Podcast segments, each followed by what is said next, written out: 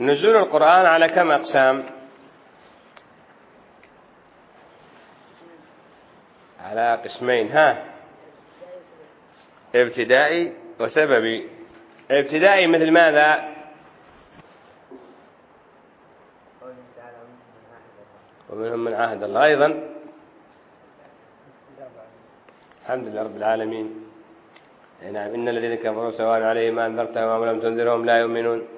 هذه الآيات ما لها سبب نزول معين. وسبب مثل ماذا؟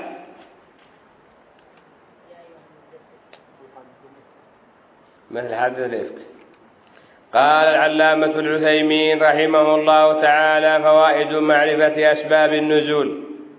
أي نعم وهذا الباب يا أخوان كتب فيه عدد من العلماء من المتقدمين والمتأخرين. كتب فيه الواحدي كتابا نفيسا. كتب الواحدي في التفسير لم لم تنال لم تنل العناية الكافية.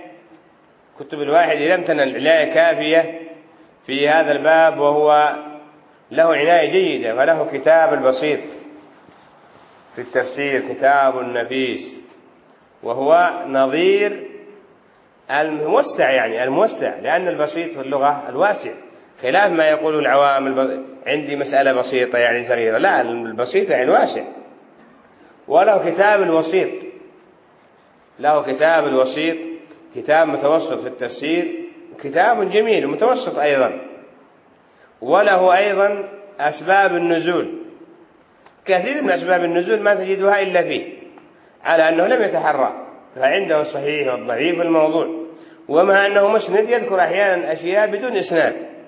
وأكثر عن الكلبي وعن بعض الرواة الضعاف. أي نعم إلا أن كتبه كتب, كتب جيدة. كتب أيضا في هذا الباب كتب جيدة. وهكذا كتب بعده جماعة. ومما كتب السيوطي في لباب النقول في أسباب النزول وهو جمع.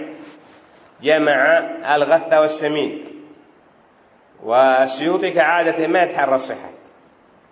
وكتب أيضا الحافظ بن حجر كتابا جيدا. وكتب شيخنا مقبل رحمه الله كتابا تحرى فيه الصحة وهو أحسن ما في الباب. صحيح المسند من أسباب النزول.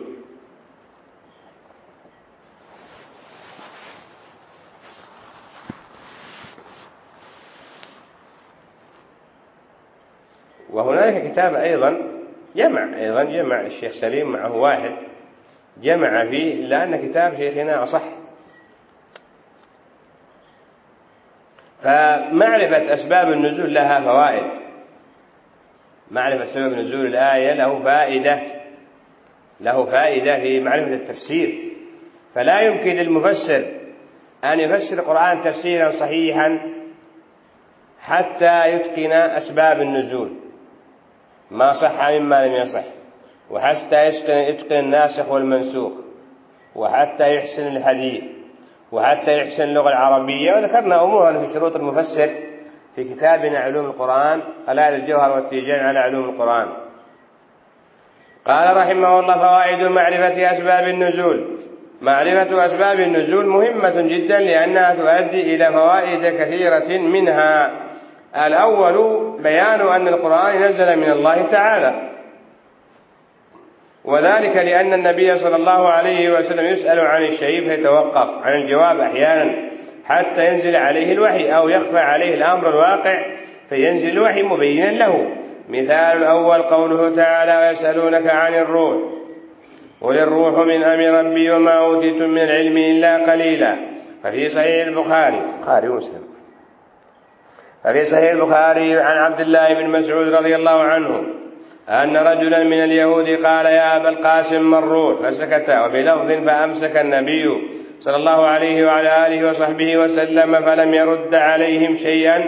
قال فعلمت. المسعود فعلمت أنه يوحى إليه فقمت مقامي فلما نزل الوحي قال ويسألونك عن الروح قل الروح من أمر ربي. الآية حديث الصحيحين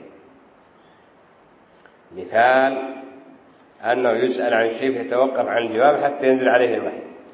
قال المثال الثاني قوله تعالى يقولون لئن رجعنا إلى المدينة ليخرجن الأعز منها الأذل.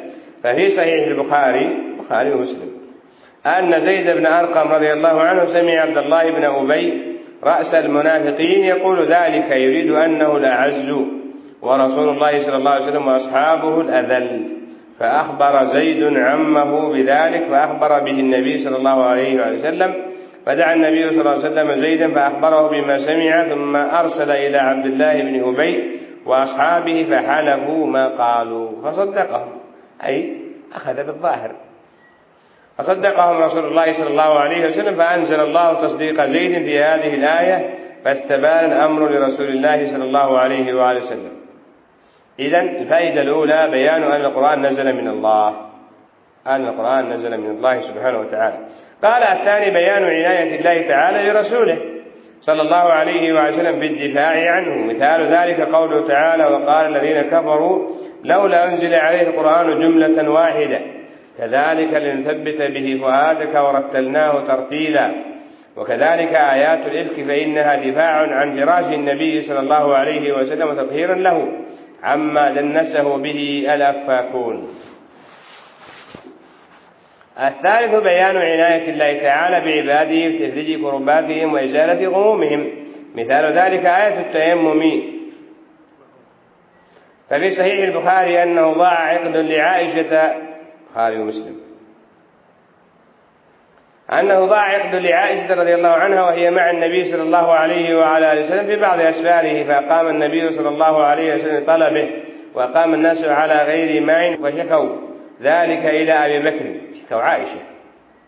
إلى أبي بكر فذكر الحديث وفيه فأنزل الله آية التيمم فتيمموا فقال أسيد بن حضير ما هي بأول بركتكم يا آل أبي بكر؟ والحديث في البخاري مطولا في البخاري ومسلم.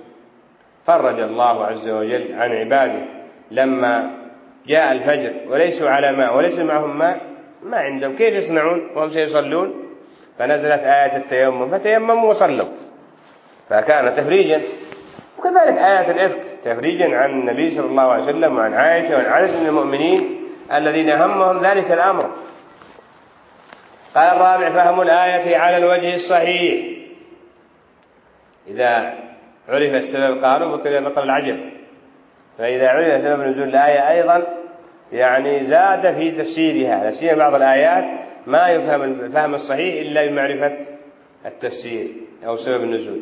قال مثال ذلك قوله تعالى إن الصفا والمروة من شعائر الله فمن حج البيت واعتمر فلا جناح عليه أن يطوف بهما أي يسعى بينهما. فإن ظاهر قوله فلا جناح عليه أن غاية الأمر السعي بينهما أن يكون من قسم المباح وفي صحيح البخاري ومسلم. عن عاصم بن سليمان قال سألت أنس بن مالك رضي الله عنه عن الصفا والمروة. قال كنا نرى أنهما من أمر الجاهلية فلما كان الإسلام وأمسكنا عنهما فأنزل الله تعالى إن الصفا والمروة من شعائر الله لقوله أن يطوف بهما. أي فكانوا يتحرجون أنهم يطوفون بين الصفا والمروة لأن أهل الجاهلية كانوا يطوفون بهذا المكان. فلما نزلت الآية تبين إيش؟ أنها مباحة. فالذين جاءوا بعدهم ما يعرفون. فالذي يقول لهم أصلا هم كانوا يتحرجون من الطواف بينها لأنها كان من شعائر الجاهلية. ثم يعني ماذا جاء القرآن ونزل بسبب هذا يعرف أن المراد أنه لا حرج عليهم أنها كانت في شعائر الجاهلية لأن هذا المكان أصلا من عبادات من شعائر الإسلام. وإنما فعله الجاهليون والمشركون طالع قال وبهذا عرف أن نفي الجناح ليس المراد به بيان أصل حكم السعي وإن المراد نفي تحرجهم بإمساكهم عنه حيث كانوا يرون أنهما من أمر الجاهلية. أما أصل حكم السعي فقد تبين بقوله من شعائر الله. قال رحمه الله عموم اللفظ وخصوص السبب. أي العبرة بعموم اللفظ لا بخصوص السبب. فلا يصلح للإنسان أن يتمسك بظاهر السبب أو بسبب النزول ويقول هذه الآية نزلت في كذا فهي مقتصرة على كذا وكذا ولا نعمل بها. لا هذا سببها لا تقتصر عليه بل هي عامة فالعبرة بعموم اللفظ لا بخصوص السبب وإن كان السبب يزيد بالبيان. قال إذا نزلت الآية لسبب خاص ولفظها عام كان حكمها شاملا لسببها ولكل ما يتناوله لفظها لأن القرآن نزل تشريعا عاما لجميع الأمة. فكانت العبرة بعموم لفظه لا بخصوص سببه. قال مثال ذلك آيات اللعان وهي قوله تعالى والذين يؤمنون أزواجهم ولم يكن لهم شهداء إلا أنفسهم. إلى قوله إن كان من الصادقين. ففي صحيح البخاري. من حديث ابن عباس أن هلال بن أمية قال امرأته عند النبي صلى الله عليه وسلم بشريك بن سحماء فقال النبي صلى الله عليه وسلم البينة وحد في ظهرك. فقال هلال والذي بعثك بالحق إني لصادق فلينزلن الله ما يبرئ ظهري من الحد. فنزل جبريل وأنزل عليه والذين يرمون أزواجهم وقرأ حتى بلغ إن كان من الصادقين الحديث. قال فهذه الآيات نزلت بسبب قذف هلال بن أمية لامرأته لكن حكمها شامل له ولغيره بدليل ما رواه البخاري. ومسلم. كان ابن عثيمين كان يحفظ صحيح البخاري. بالدليل ما رواه البخاري من حيث سهل بن سعد أن عويمر العجلاني جاء إلى النبي صلى الله عليه وسلم فقال يا رسول الله رجل وجد مع امرأته رجلا يقتله فتقتلونه أم كيف يصنع؟ فقال النبي صلى الله عليه وسلم قد نزل الله أنزل الله فيك وبصاحبتك فأمرهما رسول الله صلى الله عليه وسلم بالملاعنة بما سمى الله في كتابه فلعنها الحديث. قال فجعل النبي صلى الله عليه وسلم حكم هذه الآيات شاملا لهلال بن أمية وغيره. وهكذا أيضا ذلك الرجل الذي أصاب من امرأة قبلة فجاء فقال يا رسول الله إني أصبت حدا فأقيمه علي. فصلى. فلما صلى قال أصليت معنا هذه ما فيها حد شرعي. ما فيها جلد ولا فيها شيء فيها التوبة وهي من الصغائر إلا أنها ذريعة إلى الكبائر وإلى المحرمات وإلى الفواحش. قال أصليت معنا؟ قال نعم. قال إن الحسنات يذهبن السيئات. قال يا رسول الله هذا لي خاصة أم للناس عامة؟ قال بل لأمتي عامة. الشاهد هذا قوله لأمتي عامة. فهذا والعبرة بعموم اللفظ لا بخصوص السبب. العبرة بعموم اللفظ لا بخصوص السبب.